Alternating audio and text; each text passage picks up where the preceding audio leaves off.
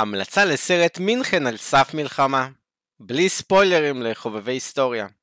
למי שמאזין לפודקאסט הכוכב האדום, בסרט אין שום עובדות היסטוריות חדשות, אבל מדהים לראות את דרך הצגת הדברים בסרט. הסרט מתאר את ספטמבר 1938, כאשר העולם היה על סף מלחמה עולמית, כמעט כמו שאנחנו היום ב-2022, עם ענייני אוקראינה והים הסיני. מעצמה העולמית החזקה ביותר, אם כי זה לא מודגש בסרט, היא בריטניה, ולא ארצות הברית כמו היום. בעוד ארצות הברית שלטה על קובה והפיליפינים, בריטניה שלטה על הודו, קנדה, אוסטרליה, חצי אפריקה, ורוב הנפט במזרח התיכון, אה כן, גם על ישראל. מנהיג בריטניה, נביל צ'מברלן, מתואר כזקן סנילי, חצי גאון, המנסה למנוע את המלחמה העולמית. למשל צ'מברלן, בגאונותו, מערב את מוסוליני של איטליה, בעוד במציאות עירוב מוסוליני היה הרעיון של היטלר, אם כי יש לזה גם רמז קטן בסרט. רוב הגרמנים בסרט שונאים גזענים ואת היטלר. ראשי הצבא הגרמני מתכננים הפיכה כנגד היטלר, כפי שסיפרתי בפודקאסט. מה היה חסר גם בסרט וגם בוועידה? הרוסים והצ'כים. בסרט מסתפקים במשפט כי הרוסים והצ'כים לא הוזמנו לוועידה שדנה בצ'יצ'וכוסלובקיה. במציאות, נציגי הצ'כים הורשו לחכות מחוץ לדלתות הוועידה בצורה משפילה, עד אשר הוצג להם האולטימטום, בו הם חייבים לוותר על חלק משמעותי ממדינתם, ותוך חודשים ספורים גם על עצמאותם, ולהפוך למדינות חסות גרמניות.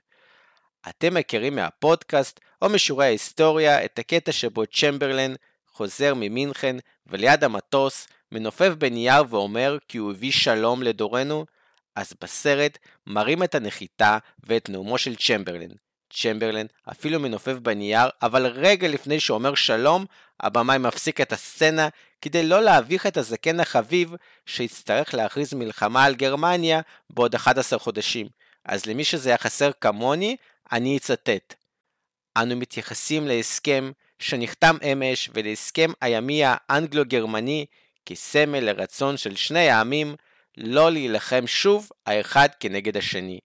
באותו היום, כפרפרזה לדבריו של בנג'מין דיזרעאלי, צ'מברלין יגיד, חבריי היקרים, בפעם השנייה בהיסטוריה שלנו, ראש ממשלה בריטי שב מגרמניה בהביאו הסכם עם כבוד. אני מאמין שזהו שלום בדורנו. המסקנה בסיום הסרט, הזמן שהסכם מינכן הקנה, אפשר לבריטניה ולבנות בריתה להתכונן למלחמה דבר שהוביל בסופו של דבר לניצחון על גרמניה.